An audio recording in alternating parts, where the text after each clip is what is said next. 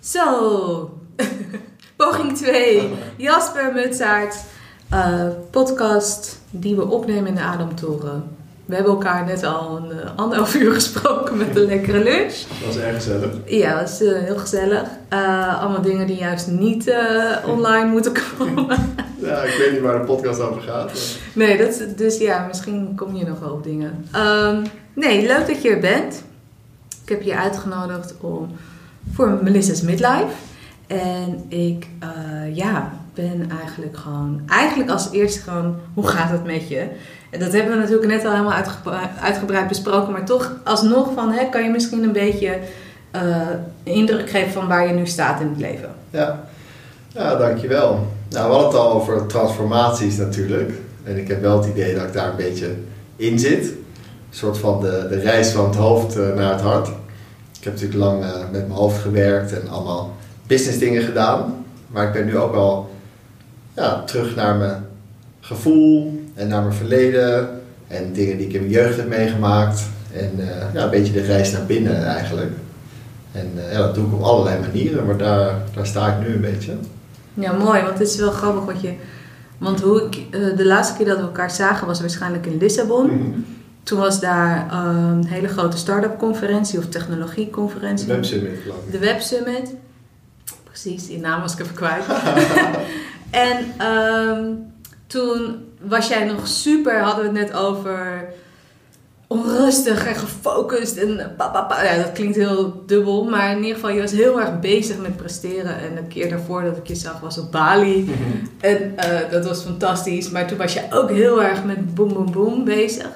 Uh, met business. Wel, en, wel leuk dat onze ontmoetingen eigenlijk steeds in het buitenland ja, zijn. Ja, nu gewoon door corona. Nee hoor. Volgende keer in Afrika. Ja. Um, maar wat, wat, wat ik grappig aan vind, want je hebt Bohemian Birds opgezet. Ja. Voor de luisteraars even. Je hebt een van de. Je hebt de bucket, bucketlist specialist. Klopt. Je hebt ook echt qua marketing geniaal hoor. Wat een goede naam. Bucketlist specialist, ja, die doet het nog steeds goed. Uh, zeker voor twintigers is dat natuurlijk toch een thema. Ja. Dus uh, ja. En uh, dat, wanneer ben je dat opgezet? 2013. 2013. Ja. En zeg maar, kan je je rol nu omschrijven en kan je omschrijven wanneer dat is geswitcht en waarom je die keuze had gemaakt? Ja, zeker. Nou, ik heb, het was het eerste bedrijf wat ik heb opgezet. En het was toch een soort droom om te gaan ondernemen, iets met reizen te gaan doen, mensen bij elkaar te brengen. Um, en ik had in het begin een businesspartner, maar leken te veel op elkaar. We waren allebei grote dromers en dat, ja, dan gebeurt natuurlijk niks. Uiteindelijk heb ik een compagnon gevonden die heel goed is in de ja, pragmatische kant. Hij heeft ook een hotelschoolachtergrond en een eigen uh, restaurant gehad. En ik um, heb een consultieachtergrond en toen ging ik ondernemen, maar ik ging ook steeds meer ja, andere startups begeleiden. En toen merkte ik toch dat daar mijn hart sneller van ging kloppen. Dus toen hebben we bij Winnie Birds een soort board gemaakt met ik erin en een aantal investeerders. En uh, ja, die rol heb ik nog steeds. Dus iedere maand uh, hebben we een meeting daarover. En natuurlijk bij andere zaken ben ik nog wel betrokken. Het is eigenlijk een perfecte rol voor mij. Was het moeilijk? Om, om, was het een beetje het gevoel dat je je babytje achterliet? Of was het helemaal niet aan de hand? Nou, een beetje wel. Want zeker in het begin identificeerde ik mezelf heel erg met dat bedrijf. Dus daar was ik denk ik ook zo onrustig, zoals jij net noemde. Dat mijn eigen levensgeluk ongeveer afhangt van of het wel of niet zou slagen. Ja. Dus dat was inderdaad wel heel onrustig. En uh, ik vond het wel spannend, maar er kwam ook wel meer rust toen die geen ander erbij kwam. En um, het lukt me steeds meer om mezelf uh, los te trekken van dat bedrijf. Dus daar ben ik nu wel heel blij mee. Maar zeker bij het eerste bedrijf was dat af en toe wel lastig, ja. Ja. ja. En daarna ben je start-up, de start-up coach geworden. Ja, dat klopt. Dat vond je mooi, hè? dat vind ik heel mooi. Gewoon claimen die boel. Ja. Voelde, voelde, dat, um, voelde dat soort van, um, ja, uh, hoe voelde dat om gewoon zo'n zo'n titel te claimen? een grappige vraag. Zo vaak denk ik er niet meer over na. Maar ik merkte dat ik eigenlijk een beetje aan het kijken was van, nou, wat is soort van mijn ding, waarom ik hier op aarde ben. En ik merkte dat training coaching dat ik zo inspirerend vond. En ik ben toen ook bij de Impact Hub, Impact Ondernemers gaan trainen en coachen. Maar op een gegeven moment deed ik ook nog twee dagen in de week een freelance consultieproject. Uh, bij een, misschien moet je daar lachen, maar bij een autobandenbedrijf. Oh, vet. Maar dat project duurde eigenlijk veel langer dan verwacht. Dus liep ik daar met pak rond in autobanden. Echt? Wat ik... grappig! ja. Dus je zat bij de Impact Hub, ja. de club voor duurzame start-ups. en bij een autobandenbedrijf. Klopt. Dat wist ik helemaal niet. Nee, ik moest nog echt wat bijverdienen. Dus zat ik twee dagen in de week in de trein daar naartoe. Maar ik voelde als een soort dubbele identity. Eh, dat ik enerzijds een reisbusiness had, start-ups coachen en dan nog die freelance autobanden. En op een gegeven moment, volgens mij hebben jij en Linda Vermaat mij dat ook geadviseerd toen ik in Bali was. Van, weet je, ga iets meer all in.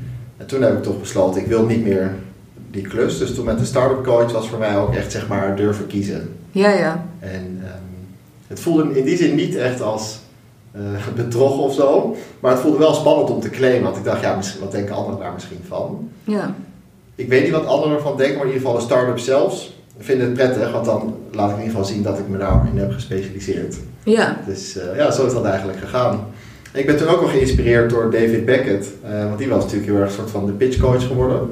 Ja. Ik had hem een keer ontmoet en dacht ik, oh ja, zo kan je dat dus ook doen. En toen heb ik die, die keuze gemaakt. hè.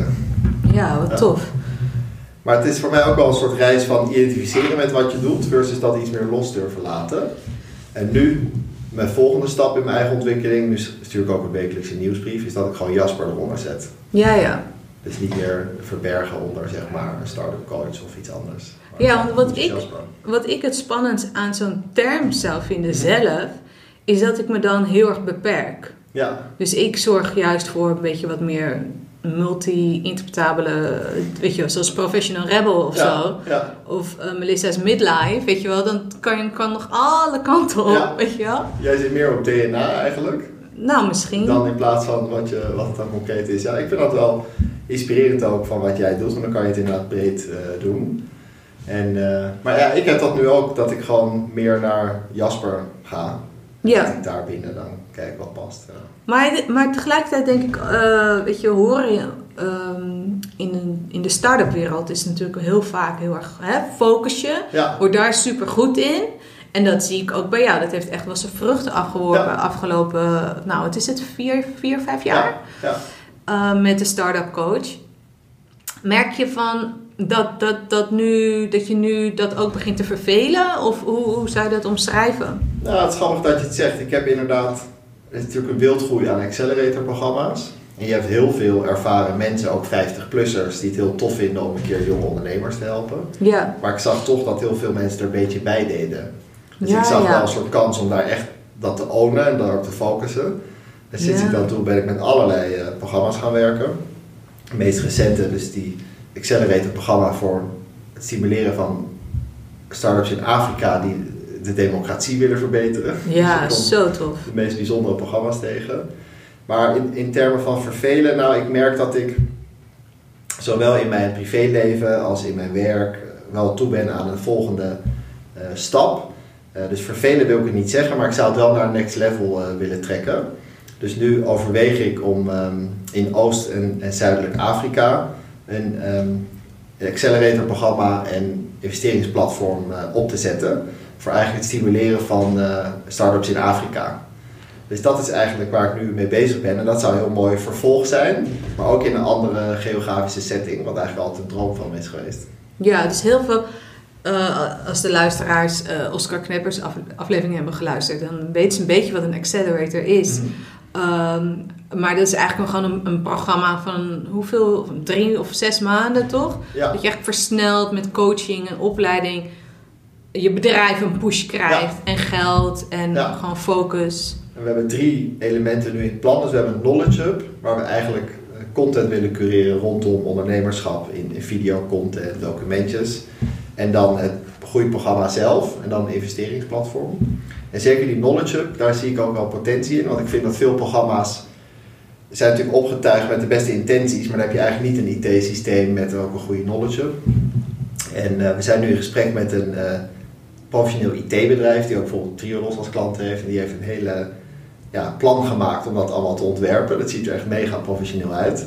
En we zijn in gesprek met financiers. En in Afrika heb je veel ehm, ja, stichtingen die best wel grote bedragen uitgeven. Omdat heel veel overheden, organisaties willen dingen in Afrika. Dus eh, Afrika is hot. Afrika is hot. En het heeft toch nog zo'n image. Letterlijk en figuurlijk. Ja, letterlijk en figuurlijk. Het heeft een image dat, dat Europa daar iets kan betekenen. Ehm, dus ja, daar, daar ben ik nu mee bezig. Ik ben, ben wel benieuwd. Ik ben daar altijd. Ik, heb, eh, ik ben opgegroeid heel erg. eh, in mijn jeugd was zeg maar, de apartheid in Zuid-Afrika een heel groot thema bij mij thuis. Ja. Ik heb tegen de, voor de vrijlating van Nelson Mandela op eh, de Dam als klein meisje op de Ja, schouders van mijn vader gezeten en zo. En ik ben ergens altijd dubbel over hulp aan Afrika. Mhm. Nu ben ik al helemaal niet, ik ben totaal niet dubbel als het gaat om ondernemerschap eh, Ja. stimuleren. Maar ik ben wel benieuwd, heb je een beetje het idee dat het over elkaar heen valt van... eh, ja, het is een kritische, bijna een radiovraag Ja. dit. Maar als we, weet je wel, de initiatieven over elkaar heen vallen om ook maar, weet je wel, in Afrika dingen te doen? Of, of is het gewoon dat de potentie daar ook gewoon enorm groot Ja. is? Nou, het is zeker waar dat je natuurlijk heel veel NGO's hebt eh, die daar eh, ontwikkelingshulp willen verlenen en die natuurlijk ook hele marketingapparaten hebben om goede doelen geld aan te trekken. En ja, het is natuurlijk niet altijd effectief, eh, want je kan natuurlijk niet met de westerse cultuur daar één op één dingen implementeren. Mensen leven daar veel meer van dag tot dag bijvoorbeeld. Ehm, tegelijkertijd heb je er allerlei commerciële organisaties of start-ups die gewoon ja, goede eh, plannen hebben. En Ja. dat is zeker groeiende. De economie groeit snel.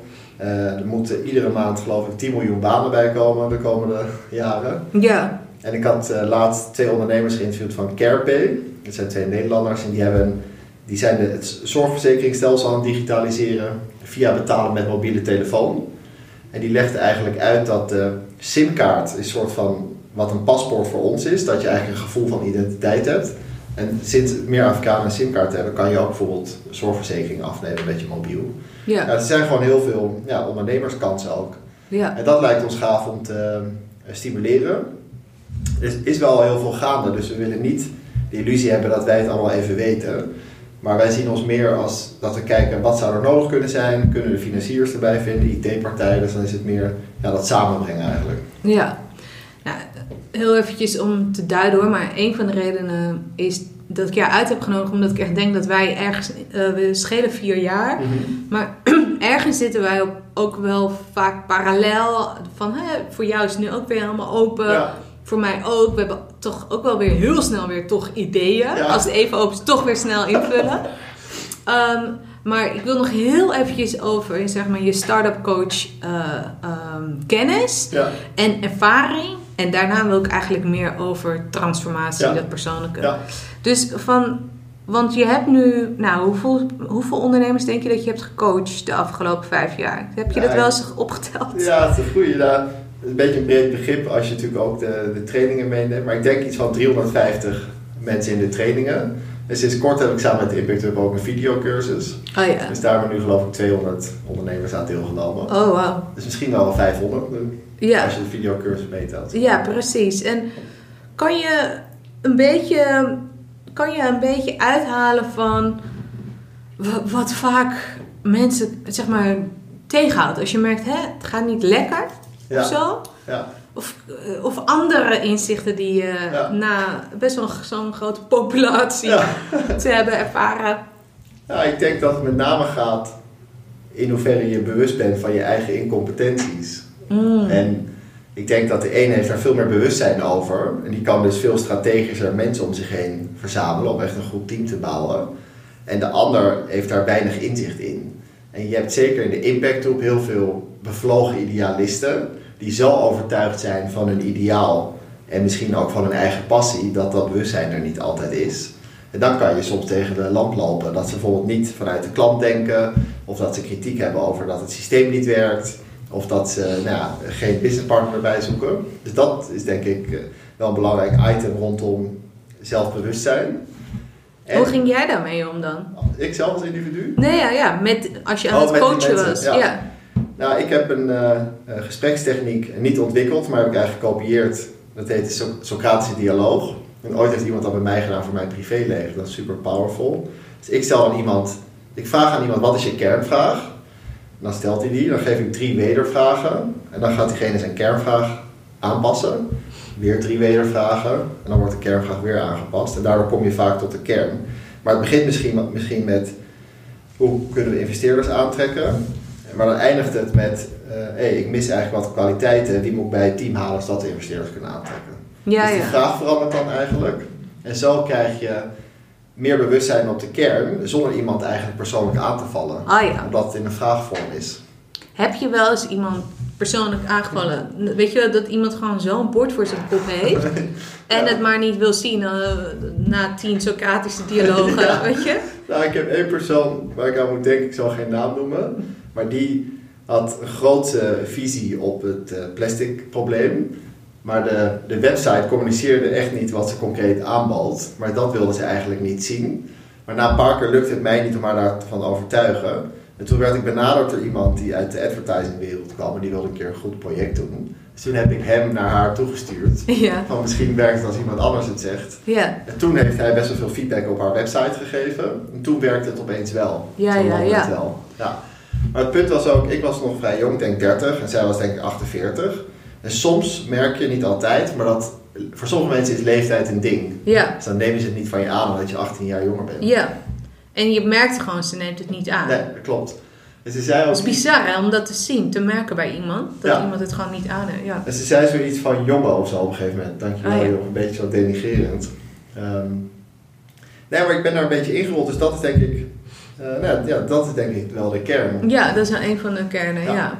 En je hebt vaak nog één punt, dus je hebt natuurlijk een soort maatschappelijk probleem. Maar je hebt vaak dat, ehm, stel het probleem op een, ehm, eh, op een voetbalveld. Dat ja, soms is er geen owner van het probleem. Want er is geen bedrijf die erin duikt, de gemeente doet het niet, de buurt doet het niet. En dan proberen die ondernemers dat soort van te managen. Maar het is dan niet urgent voor, voor die belanghebbenden. Eh, dus wat dan lastig is, dat ze niet echt een, een klant kunnen vinden die dan wil oppakken. Ja, ja. Dus het probleem is er, maar niemand gaat betalen voor de oplossing. Dat is het inderdaad. En dan moet je een soort ecosysteemoplossing. En dan moet je al die partijen bij elkaar hebben.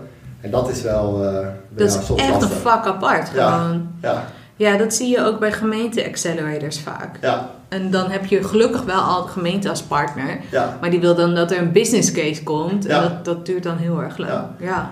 Een voorbeeld is een bedrijf die wil van bagger eh, stenen maken. Om dat soort van circulair te maken.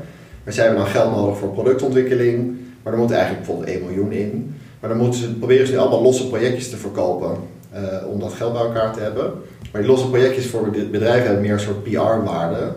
Maar nog niet echt concrete waarde. Ja, dus dat is dan lastig soms. Ja, ja, ja.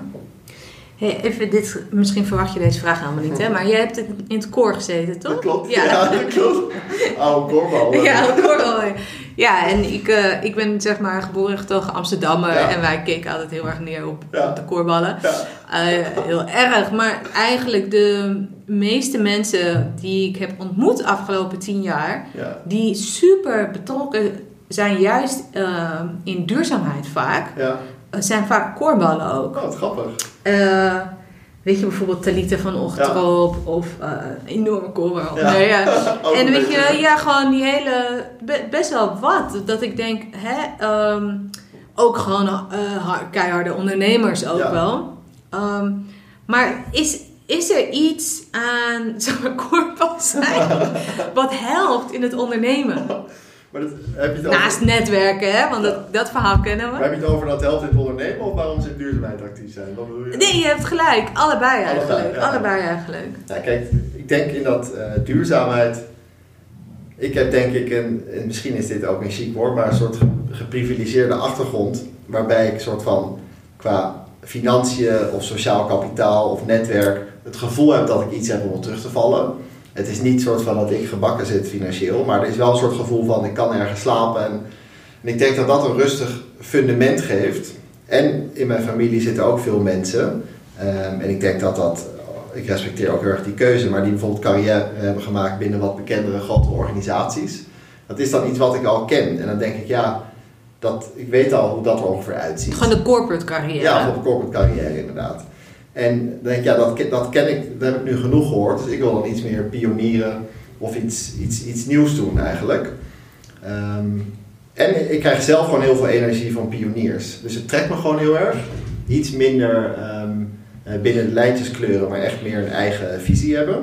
Maar dat is zo A-korig. Klopt. Ja, dat is, Het is geen woord, maar je Ja. weet wat ik bedoel. Ja, ik heb, kijk, toen ik drie maanden oud was, zijn mijn ouders als trooparts naar, naar Tanzania verhuisd. Dus het avontuurlijke zit er ook een beetje in. En ik heb bijvoorbeeld ook een half jaar in Argentinië gewoond en dan kwam ik de meest gekke figuren tegen. Dus ik geniet daar gewoon wel heel erg van. En waarom ging je dan bij het koor? Ja, waar ging ik voor? Uh, Dit is mijn eeuwige vraag ja, hoor. Klopt. Nou, ik, ik heb op het VCL gezeten uh, uit Den Haag. En dat, dat wordt, af, dat wordt als gekscherend voorbereiding Corporaal Lyceum genoemd. Ja. Dat koning Willem-Alexander heeft daar bijvoorbeeld ook op gezeten. En in die omgeving doen mensen dat uh, veel. Uh, dus ik ben een jaar naar het buitenland geweest. Dan kwam ik met kerst terug en ging bijvoorbeeld bij een vriend in Utrecht bij Cor op bezoek. Nou, dus dat is iets wat je leert kennen. Het heeft heel veel leuke kanten. Het is, het is gezellig, je leert veel mensen kennen. Dus toen ik naar Amsterdam kwam, dacht ik ook, hé, dat is wel leuk. Ehm, dus het is een beetje ja, wat, je, wat je kent. En um, ja, dus, dus dat daarom. En wat heeft het je gegeven? Nou, ik denk bij ondernemen, ik vind het heel grappig dat je de vraag stelt. Want het, je, je bouwt best wel een groot netwerk op van mensen in allerlei disciplines. En dat netwerken wordt je ook een beetje, een beetje aangeleerd. Dus je leert denk ik wel vragen stellen, wat voor elkaar doen. Ja. En het geeft toch onbewust een soort vertrouwen, ondanks dat je dat nooit expliciet uitspreekt. Ja. Maar ik ben me er nooit zo zelf bewust van, dus ik ben wel benieuwd. Um, ja, waarom ben jij nieuwsgierig naar de vraag? Daar ben ik wel eigenlijk benieuwd naar. Omdat ik er zelf namelijk helemaal niet zo vaak over nadenk. Ja, uh, even kijken. Nou ja, omdat ergens juist uh, jou dat denk ik uh, interessant maakt in de hele duurzame start-ups wereld. Mm -hmm. Dus er is iets aan jou wat een stuk opportunistischer en netwerker meer is ja. dan inderdaad die super ide idealisten die, weet je wel, echt ja. het product om de wereld te redden. Ja. En jij brengt juist iets wat veel meer, uh, ja, denk ik, opportunistisch, wat Ja. goed is, weet je, dat commerciële. Ehm, maar goed, weet je, tot zover die vraag. Maar, en, en als outsider, ehm, weet je wel, ehm, eh, haat en, hou, en, en vind ik het fucking fascinerend. Eh, koor, koor, het hele koor, zeg maar. Dus dat blijft, dat is altijd een soort van, voor heel veel Amsterdammers Ja. eh, eh, is, is dat een, een, een grappig ding. Ja, ja. dat snap ik. Want jullie waren met Professional Rebel en Professional Passion, een soort gouden combi, toch? Ja, Van ja. het geld en de, de, de, acti de activisme en zo. Ja, precies. Want uh, Talita van Otrop en eh Lieke Pijpers hadden. Professional Passionates en nu de Next Closet. En wij hebben samen hele leuke dingen gedaan. Ja. nee, maar dat was een hele goede match. Zeker. Uh, maar ook gewoon wel grappig, want we verschilden wel een beetje qua cultuur. Dus dat, ja, dat is juist heel leuk. Ja. En uh, even kijken hoor. Nu eigenlijk over de trends voor de maties.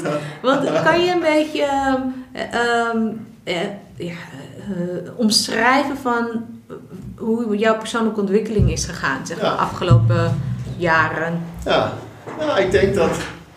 Um, ja, persoonlijke ontwikkeling. Kijk, ik heb me best wel lang, denk ik, uh, geïdentificeerd met misschien wat ik, wat ik doe. En dat levert op een gegeven moment ook een soort onrust op, of, of ben je steeds maar weer naar het volgende gaan. En ik probeer nu meer soort van te zakken in mijn eigen zijn en te kijken wie ik ben in de essentie. Zonder maar een soort van in die molen te zitten van uh, weer wat opzetten of weer mensen ontmoeten, et cetera. Um, kan je nog herinneren hoe is dat geleidelijk gegaan of is er iets? Ja. Je mag niet meer bewegen trouwens met je stoel. Oh, sorry. nee, maar is, ja, kan je herinneren hoe dat is gestart? Ja. Ik denk toen ik van McKinsey naar ondernemerschap ging, heb ik voor het eerst meegedaan aan Your Lab. Een persoonlijk ontwikkelingsprogramma wat voor jouw laboratorium staat. Dus toen kwam ik ermee in aanraking. En ontmoette ik ook een man van 45. Die was net gescheiden en had zijn bedrijf verkocht. En die was twee jaar lang bezig met zelfontwikkeling. Oh, wauw. En ik merkte dat ik dat toen ook al heel interessant vond. En dat ik hem wel indrukwekkend vond. Hij zat midden in zijn midlife. Beenslaap trouwens. Oh, dat, okay. dat is even tussendoor. Hij zat misschien midden in zijn midlife. En ik denk later ook um, in mijn vorige relatie um, ben ik ook wat dingen tegengekomen in mezelf. Dat ik het soms moeilijk vond om mijn eigen gevoel te uiten of mijn eigen behoefte uit te spreken. En als je daar zo opeens achter komt, dan uh, was het voor mij wel belangrijk. Hey, ik wil dat ook meer leren of zo, die gevoelige, sensitieve kant ontwikkelen. Ja. En toen ben ik ook dus um, dit jaar allerlei dingen gaan doen van ayahuasca en tantra en vipassana. En dan kom je een beetje op een, op een pad. Dan kom je eigenlijk steeds meer bij je eigen, eigen kern. En um, op een gegeven moment ben ik ook een beetje verbanden gaan zien. Want zoals ik al zei, hebben wij vroeger in Tanzania gewoond. En uh, toen ik drie maanden oud was, zijn we daar naartoe gegaan. Mijn ouders gingen als strooparts werken. Maar anderhalf jaar later hebben we daar een auto-ongeluk gehad. Waarbij mijn moeder eigenlijk is verongelukt van de een op het andere moment. En dat is natuurlijk voor mij een uh, ja, best wel tekende, tekenende ervaring. En um, nou, dat zie ik dan later ook soms terug in mijn leven dat ik misschien bindingsangst heb of verlatingsangst. Of dat ik altijd maar druk ben. En dat wordt dan een soort uh, puzzelstukje van hey, hoe zit dat nou eigenlijk allemaal? En daar probeer ik dan een beetje achter te komen. En dan komt nu denk ik meer tot de kern dat het ook gaat om het accepteren of zo van wat er is gebeurd. En dat ook een beetje omarmen en doorvoelen in plaats van er voor weg te rennen door maar steeds weer dingen, dingen te doen. Als je Ja. begrijpt wat ik bedoel. Ja, ja, ja, het omarmen en voelen. Ja. Waar in je lijf zit het. Ja. Ja. Ja, Want hoe oud was je toen je moeder overleed? één was ik. Ja, Je was één toen je moeder Ja. overleed. Ja. Wauw. En wat voor vrouw was het, als ik ze vragen mag? ja goed. Nou, was een wel een hele actieve, mooie, eh, lieve vrouw. En eh, ze kon heel geïnteresseerd zijn in anderen. En ehm, ja, zorgzaam, ze was ook arts, was, was trooparts. Maar ze kon ook wel een soort van zich vastbijten in een topic. En sommigen vonden het ook wel serieus of dat ze het lang doorging op dingen. Dus dat herken ik ook wel bij mezelf. Ik kan soms ook ergens in vastbijten, zeg maar. Terwijl de ander denkt, joh, ik maakte maar een luchtige opmerking of zo. Ja. Dus dat, eh, En- ja. Even, En ja. in Tanzania is dat gebeurd. En ik ga dus 2 maart, over anderhalve maand, ga ik ook drie maanden naar Tanzania. Ja. En ik heb dus heel erg behoefte om daar gewoon naar terug te gaan. Ik ben al tien jaar geleden met familie geweest, maar ik wil er nog zelf een keer naartoe. Om dat ook nog meer een plekje te geven en daar gewoon eens te zijn. Ja. En eh, een tijdje wilde ik dat dan ook direct weer koppelen aan werk. Maar nu kwam ik achter, nee, ik wil daar gewoon naartoe. En daar gewoon eens, eh, eens zijn. Dus ja, de transformatie is ook ja, tijd, er, er tijd voor vrijmaken. Dat is al een hele grote stap. Ja, dat, dat is al een hele grote stap, ja. En dat is moeilijk uit te leggen aan mensen die op de molen zitten van eh, volle bak werken. Maar het, ja, het gaat ook om tijd ervoor vrijmaken. Merk je dat je met je omgeving daarin soms botst? Of, of heb je- Nou, ik merk nu, ik zit nu bij, eh, bij Tara, dat is het Academy voor Tantra, Breathwork en Meditation. Dus ik doe daar nu een, eh, een cursus over shadow work, waarin je eigenlijk je, je, je schaduwkant of je zwarte kant van jezelf in het licht gaat brengen. En meer gaat zien en ook inbrengt in ontmoetingen. hoe, hoe doe je dat? Hoe, Nou, je hebt in het eh tantrische psychologie slash boeddhisme heb je de six realms. En dat zijn eigenlijk zes manieren om soort van uit je essentie te gaan. En eentje daarvan is bijvoorbeeld de hungry ghost. De hungry ghost is altijd op zoek naar het volgende om een gat te vullen. En eentje is bijvoorbeeld de hell realm. Dat je denkt, eh, mijn baas die kan er niks van. Of ehm, eh, ik heb het gehad met mijn ex. Of de wereld is al ver. hoe heet die? De, de, de hell realm. Hel. eh, De hel van de wereld is een hel. Jeetje, hel. Ja. Oké. Nou, dus dan leren we zeg maar die, die realms en dan ga je dus ontdekken hoe, dat zit in jezelf. Ehm, En dat zijn de shadows. Dat zijn de shadows, ja. En je vraag was van, ja, kan je daar met vrienden over hebben? Ja. Nou, sommige vrienden zijn daar niet in geïnteresseerd. Daar deel ik er andere dingen mee. Eh, en, ehm, en, en binnen deze community waar ik dat nu doe, zijn mensen daar heel erg in geïnteresseerd. Dus ik geloof ook wel dat je bij verschillende mensen verschillende topics eh, kan delen, zeg maar. Merk, merk je, want ook dat, oh, ik ben nu een beetje hak op de tak Ja, hoor, maar wat me, wat me dit triggert is van eh, dat je ehm, wel gekke andere stappen maakt dan de meeste, weet je wel? Is dat in je omgeving zo of heb je meerdere mensen die eigenlijk een vrij, vrij beroepachtig leven hebben? Nou, in mijn omgeving zijn de meeste mensen hebben nu wel een koophuis, een aantal kinderen, wonen misschien in Haarlem. Dus vanuit mijn middelbare Wonen misschien in Haarlem. Ja. Ja, ja. Ja. Ehm, dus nee, van mijn middelbare school in Amsterdam hebben een aantal dat wel. Maar nog steeds kunnen we elkaar vinden op bepaalde fronten. Maar zij zijn niet hiermee bezig, wat ik ook snap. Want als je twee kinderen hebt, heb je ook andere dingen aan je hoofd.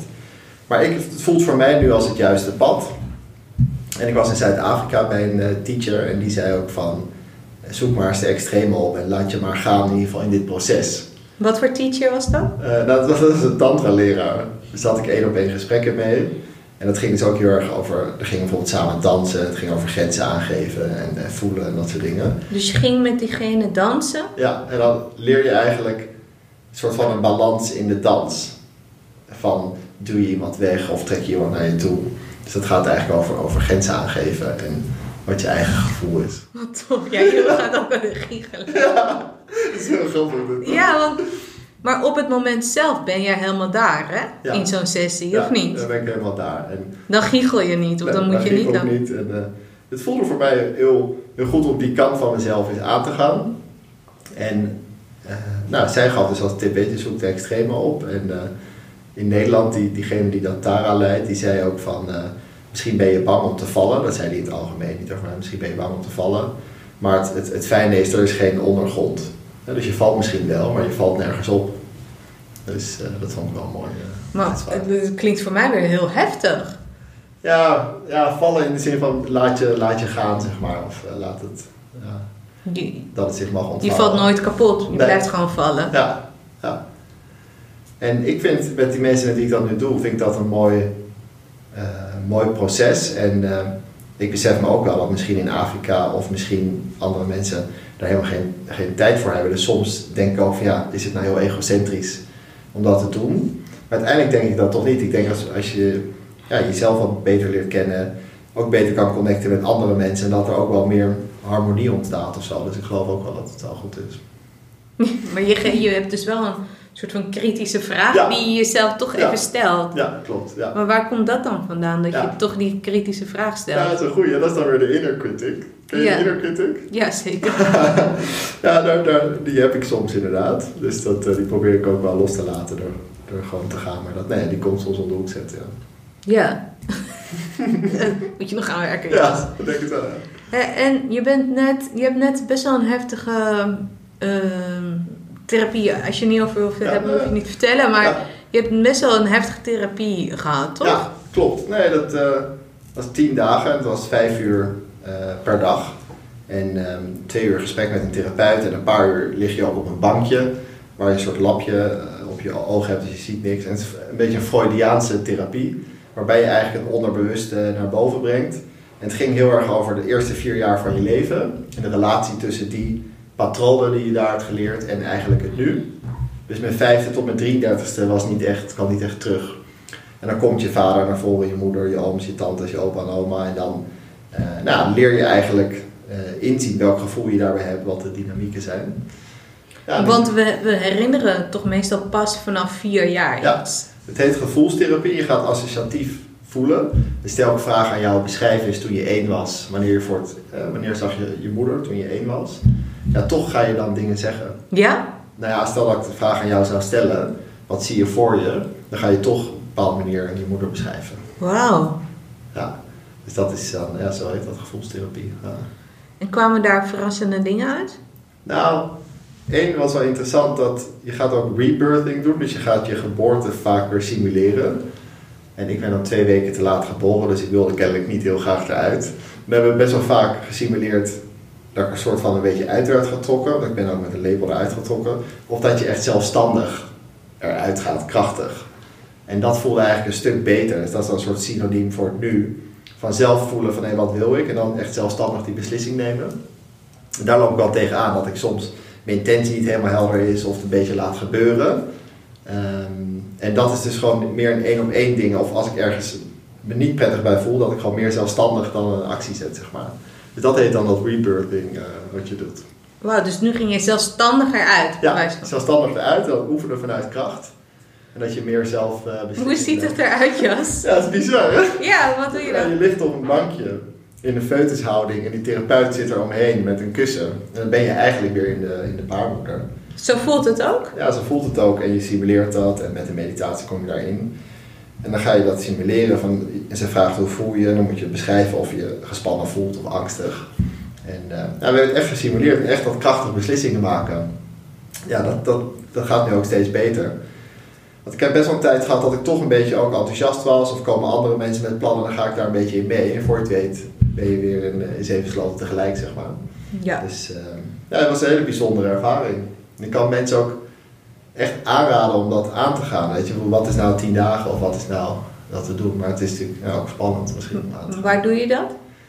Nou, dit was een vrouw eh, in Frankrijk die dat deed, maar door corona kon ik uiteindelijk niet gaan. Dus dit was iemand in Amsterdam. Ehm, Diana Enzing heet ze. en ehm, ja, die heeft gewoon een aantal therapeuten die dat doen.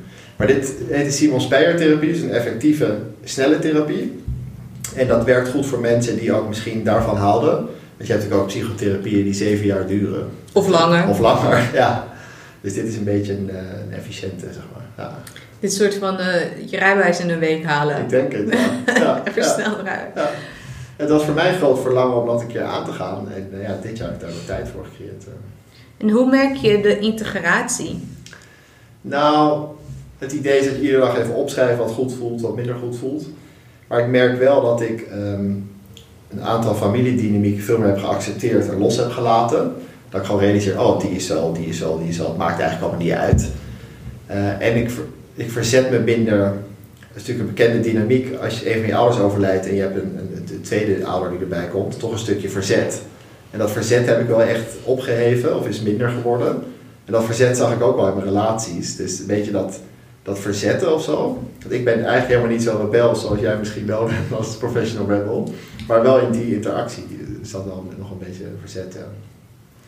Dus dat. En ik, ben, ik merk dat ik gewoon soms als ik twijfel over iets, dat ik even een stap terug doe. Oké, wat wil ik? En dat communiceren. In plaats van dat steeds bij de ander te leggen. Zo van, hé, maar wat zou jij willen? En dat, ja, daar schiet de ander eigenlijk ook niks mee op natuurlijk. Wat wel grappig is, want als coach ben je juist, eh, doe je dus dat Socratisch dialoog. Ja, hè? klopt. Ja. Dus ik ben als coach eh, of trainer best wel, kan ik best wel directief zijn. Ja, Kan ik echt zeggen, nou jongen, je bent gewoon een volwassen man. Als jij een probleem hebt met iemand, moet je het tegen diegene zeggen. ja, ja, Ehm, en dat is echt een beetje mijn stijl. Maar ik Ja. hoor in jouw stijl dat je meer Socratisch dialoog ja. eh, dus ik zie al een beetje zo van, hè, dus jij maakt die beslissing niet voor anderen. Ja. Wat op zich voor als coach eigenlijk heel goed is. Ehm, maar ja, ik ben wel benieuwd van, eh, ja, het, wat, wat, wat ook fijn is zelf, vind ik Mhm. als trainer-coach. Ik ben niet degene hè, die in dat bedrijf werkt of die Ja. eh, die organisatie moet veranderen. Mhm. Ik help mensen dat te doen. ja. Dus, dus waar ik steeds meer achter kom, is dat ik ben zeg maar je, je buddy in, Ja. in jouw proces. Mhm. Maar ik ben niet iemand, al heb ik professional rebel opgezet, weet je wel. Maar eigenlijk ben ik niet per se iem- iemand die, eh, ja, dus op de voorgrond eh, lijkt misschien zo voor anderen. Maar eigenlijk help ik Ja. maar anderen. Ehm, dus ik ben wel benieuwd hoe jij jouw rol nu naar therapie, hoe kan jij dat duiden? Weet je? Want je hebt dat hele coaching gedaan en nu wil je misschien echt zelf iets opzetten Ja, en neerzetten. Dat is toch weer iets heel anders dan Ja. als je wordt ingehuurd voor een accelerator. klopt. Ja. Nou, ik denk dat ik in lijn met wat ik net zei ook wel klaar voor ben om echt een keuze te gaan maken van waar wil ik misschien de komende vijf jaar aan besteden. En het lijkt mij echt heel gaaf om dat een combinatie te laten zijn van eh, Afrika, een, technologisch product ontwikkelen en, en start-ups en impact. En dan ga ik echt vanuit kracht kiezen. In plaats van dat ik eigenlijk, wat ik nu ook soms doe, een beetje kijk wat er op me, uit, op me afkomt in de Amsterdamse start-up wereld. En dat is natuurlijk best een comfort, maar dat, dat is denk ik echt een keuze. En dat vind ik ook wel spannend, maar ik denk dat ik daardoor met die therapie ook wel eh, meer klaar voor ben. Of meer kijk van ja, wat is nu eigenlijk een soort van hè, waarom ben ik op aarde en wat is nu het nieuwe ding wat ik wil gaan doen. Ja, want je zei in onze lunch zei je dat je vader die zegt altijd drie dingen. Ja. Wat is het ook weer? Eh, werk, woning, wederhelft. Daar Werk, woning, wederhelft. En eigenlijk Ja. zijn ze alle drie even open voor Bij jou. mij zijn ze alle drie eventjes open. Of even, ze zijn open. Ja. De wederhelft is er niet, woning heb ik tijdelijk. En werk is ook allemaal eh, redelijk flexibel. Dus nee, het ligt echt open. En dat zie ik echt als een hele mooie eh, kans. En dat zie ik ook wel als een rijkdom. Omdat een aantal van mijn vrienden hebben daar echt allerlei keuzes al in gemaakt. Wat ook weer voordelen heeft, maar ik heb echt een enorme vrijheid. En daar, eh, ja, daar ben ik eigenlijk ook wel heel blij mee. ja. Dus dat, eh, ja, dus 2 maart ga ik naar Tanzania, dus in die zin ga ik het avontuur tegemoet. Zo lekker. ja, ja, ja, jaloersmakend. Een vriendin van mij die is net naar Ghana verhuisd. Mhm. Ah, heerlijk. Pauline Ling. Ja, ik heb haar een keer gesproken inderdaad. Ze had het op LinkedIn gezet. Oh, ze- zij is ook heel leuk trouwens, Ja. maar ja, superleuk. En ja, maar dat gewoon zo'n stap. Kijk, eh, ik, weet je, ik, heb, ik heb nu een huis in een dorp en, Ja. een, en een man en een, eh, en een, en een zoontje. Dat, ja, ik kan daar heel jaloers op zijn. Er is zoveel vrijheid, ja. Ik kan me voorstellen, ja. Heerlijk. Ja. En eh, s- zou, wil je over ayahuasca vertellen? Ja, ik kan wel vertellen. Heb jij het ook wel eens gedaan? Ja, ik heb het ook. Ik heb het onlangs gedaan. Super cliché, maar Ja. Wat wil je erover weten? nou, hoe vaak je het hebt gedaan en wat het je heeft gegeven. Ja. En waarom je überhaupt eh, het wou doen. ja. Ik heb het nu één keer gedaan en ik ga 12 februari voor de tweede keer. Oké. En ehm, waarom ik het wilde doen, ik denk wat ik, anderen waren heel enthousiast over ayahuasca. Dus dat is denk ik een eerste ding. En ik was op Burning Man bij, daar heb je allerlei workshops. En eentje ging over ayahuasca, entrepreneurship en innovation. Oh, chill. Daar vertelden zes Amerikaanse ondernemers over een transformatie van voor na ayahuasca en hoe ze met mensen omgaan, hun bedrijven leiden.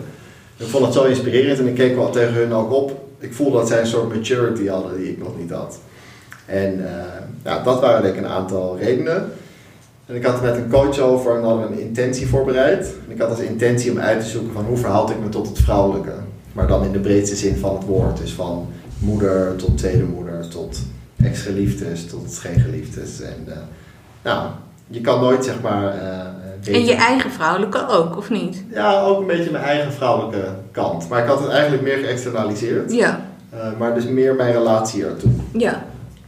Nou, wat er voor mij wel uitkwam, is dat ik... Uh, nou, dat liefde wel een soort van de essentie is, zeg maar. Dus dat, dat kwam eigenlijk wel duidelijk naar voren. En um, het kwam ook soms naar voren dat ik er ook, als ik iemand ontmoet, ook niet echt een intentie mee heb. Van ja, wil ik nou met diegene oud worden of niet? Dus het kwam wel een beetje naar voren dat ik daar ook misschien iets meer mag kiezen. Van hé, wat wil ik daar eigenlijk mee? In plaats van dat ik dat ook maar een beetje soort van op zijn beloop laat. um, ja, en um, ook veel, ik had een boek meegenomen um, van uh, een cadeau dat ik van mijn vader had gekregen met brieven over mijn moeder. Dat heb ik gekregen toen ik 18 was. Van mijn ooms en tantes, opa en oma. Wauw, dat is een mooi cadeau. Ja, dus ik had dat meegenomen en in het begin deelde iedereen ook zijn verhaal. Het was in een groep? Ja, met tien mensen. En iedereen heeft een verschillend verhaal. De een die blode zich kapot en de ander had net een duikschroom Curaçao geopend. En de ander had een kind die in Spanje woont, nou, dat soort dingen. Maar toen had ik dat gedeeld, dat ik dat ook meer wilde onderzoeken. En toen begon zij over moeder ayahuasca en toen was ik echt helemaal in tranen, omdat dat woord moeder zo werd genoemd en moederlijke energie. Dus dat is ook een soort moment waarop je dat allemaal laat gaan. Het werd gefaciliteerd door twee vrouwen die ook daar veel ervaring mee hebben. En die zeiden ook, joh, laat het allemaal gaan. En dan is daar ook de ruimte voor of zo. Dus ik denk ook dat je in zo'n aanloop naar ayahuasca misschien al een soort van voorbereidt op dingen. En dat het ook een soort ontlading is of zo. Dus dat, uh, ja, dat was ook. En uh, ja, het is gewoon een waanzinnige ervaring. Je vliegt een beetje boven je leven en je ziet allerlei verbindingen die je eerder, eerder nog niet zag. Nou. Want hoe zou je, want de mensen hebben misschien een idee, psychedelische ja. drugstrip of wat dan ook. Hoe zou jij het omschrijven? Nou, hoe, de, hoe het was? Van... Ik zou het omschrijven als een soort raadgever die verbindingen in je leven ziet die je niet zelf ziet. En die eigenlijk gewoon wat, ja, wat suggesties uh, meegeeft. Dat, zo zou ik het zelf uh, zien. Ja. En wat ik ook heel erg heb ervaren is, soms zie ik dingen zwart-wit of ik ben met iets bezig of het is afgerond, ook in bepaalde relaties met bijvoorbeeld mentoren. Maar tijdens deze reis kwam ik ook achter van je hoeft niet ja of nee te zeggen. Weet je, mensen blijven wel een beetje in je leven. En je kan ook connected zijn zonder dat je het helemaal definieert. Misschien zie je elkaar wat minder dan wat meer. Maar het hoef je niet soort van rationeel af te sluiten of zo. Uh, dus dat was, kwam wel heel erg naar voren. Van sommige mensen die leven zijn gekomen, dat is niet voor niks. En uh, ja, dat vond ik wel heel mooi. Mooi, dat is juist wel even zijn beloop laten. Niet, ja. niet te hoeven definiëren. Nee, klopt. En dat is soms zakelijk, denk je toch, werk je met iemand ja of nee. En dan kom je een beetje in dat soort uh, gedachtes. Maar tijdens die reis was het ook van ja, je leeft gewoon, je bent in principe connected. Je hoeft er ook niet echt iets mee. Je kan het gewoon een beetje laten zijn. Ja. En heb jij veel coaches gehad zelf? Nou, ik heb een goede vraag. Ik heb er dit jaar wel een hoop gehad. Dus ik heb zeg maar 2020 was het ook een beetje met thema persoonlijke ontwikkeling. En dacht ik ga er uh, tijd, geld in investeren. En ik heb er wel een aantal gehad. Ja, dus eentje meer op business. Ik heb er eentje meer op spiritualiteit. Eentje was meer een man van, van healthy living en ownership nemen voor je eigen issues. Of hij zegt altijd, het ligt altijd aan jezelf, dus wijs nooit naar de ander. Um, en ik ben helemaal fan van Mind Valley, dat ken je misschien wel. Ja. Uh, dus ik heb zo'n Mind Valley membership, dat is een soort online platform voor persoonlijke groei. En daar kan je allerlei cursussen volgen en podcasts luisteren. Daar ben je helemaal fan van? Ik ben er helemaal fan van, ja. Oh, wat tof. Waarom? Waarom, Jas? Ja. Nou, ik vind het leuk dat het internationale teachers zijn. Die hebben bijvoorbeeld Ken Honda, dat is dan een Japanse zenmiljonair. Die heeft een course... Japanse zenmiljonair? ja, die heeft een course over money EQ. Oh, denk, ja, dat vind ik toch gewoon heel interessant. En uh, het, het is zeg maar bite-sized learning, dus je kan iedere dag 20 minuutjes doen. Dus het past goed in mijn, in mijn schema. En uh, En sommige mensen vinden het misschien dat ik dan veel doe, omdat het natuurlijk ook misschien opeens dit jaar is. Maar ik ben ook gewoon iemand. Uiteindelijk pak ik toch dingen een beetje projectmatig aan. Dat is ook een beetje wat bij mij past. gewoon project 2020. Dat was Jasper op zelfontwikkeling. Ja, dat klopt ja. Dus dat. eh, Ga je er dan nu mee stoppen? Nee, ik ga zeker mee door. En ehm, de nieuwsbrief die ik schrijf gaat dus over ondernemerschap, persoonlijke groei en spiritualiteit. En ik vind het gewoon heel tof om daarbij zelf een stok achter de deur te hebben om content te maken. Eerst te consumeren en dan zeg maar te curaten en creëren voor anderen. Ja, en dat ook met anderen te delen. En ehm, er zit verder geen verdienmodel aan of echt een toekomstplan, maar het voelt voor nu goed eh, om te doen. Dus je hebt een nieuwsbrief. Ik heb een nieuwsbrief, ja. En hoe kunnen mensen zich inschrijven voor jouw nieuwsbrief? op jaspermutsart.com. En ehm, ja, mensen krijgen hem elke woensdag en het is gratis. Oh, tof. Ja. Dat is sowieso al... eh, het zijn we eigenlijk al aan het einde gekomen van deze podcast, toch? Ja. Ehm, eh, is er iets, een, iets, eh, een oproep of een intentie die jij nog zou willen uitspreken voor, voor deze tijd? Nou, ik denk dat ehm, ik wil mensen uitnodigen om nou, zichzelf beter te leren kennen, een beetje die reis van bewustzijn eh, op te gaan. Ik denk dat dat heel fijn is om, om jezelf te kennen en dan in volste potentieel te leven. En vervolgens ook te kijken hoe je je eigen talenten kan inzetten om de wereld een beetje mooier te maken. Door een bijdrage te leveren op een gebied waar jij gepassioneerd eh, over bent. Nou, dankjewel. nou, ze gaan je weten te vinden. Ik weet zeker. Ja, fijne reis aankomende jaren. Dankjewel.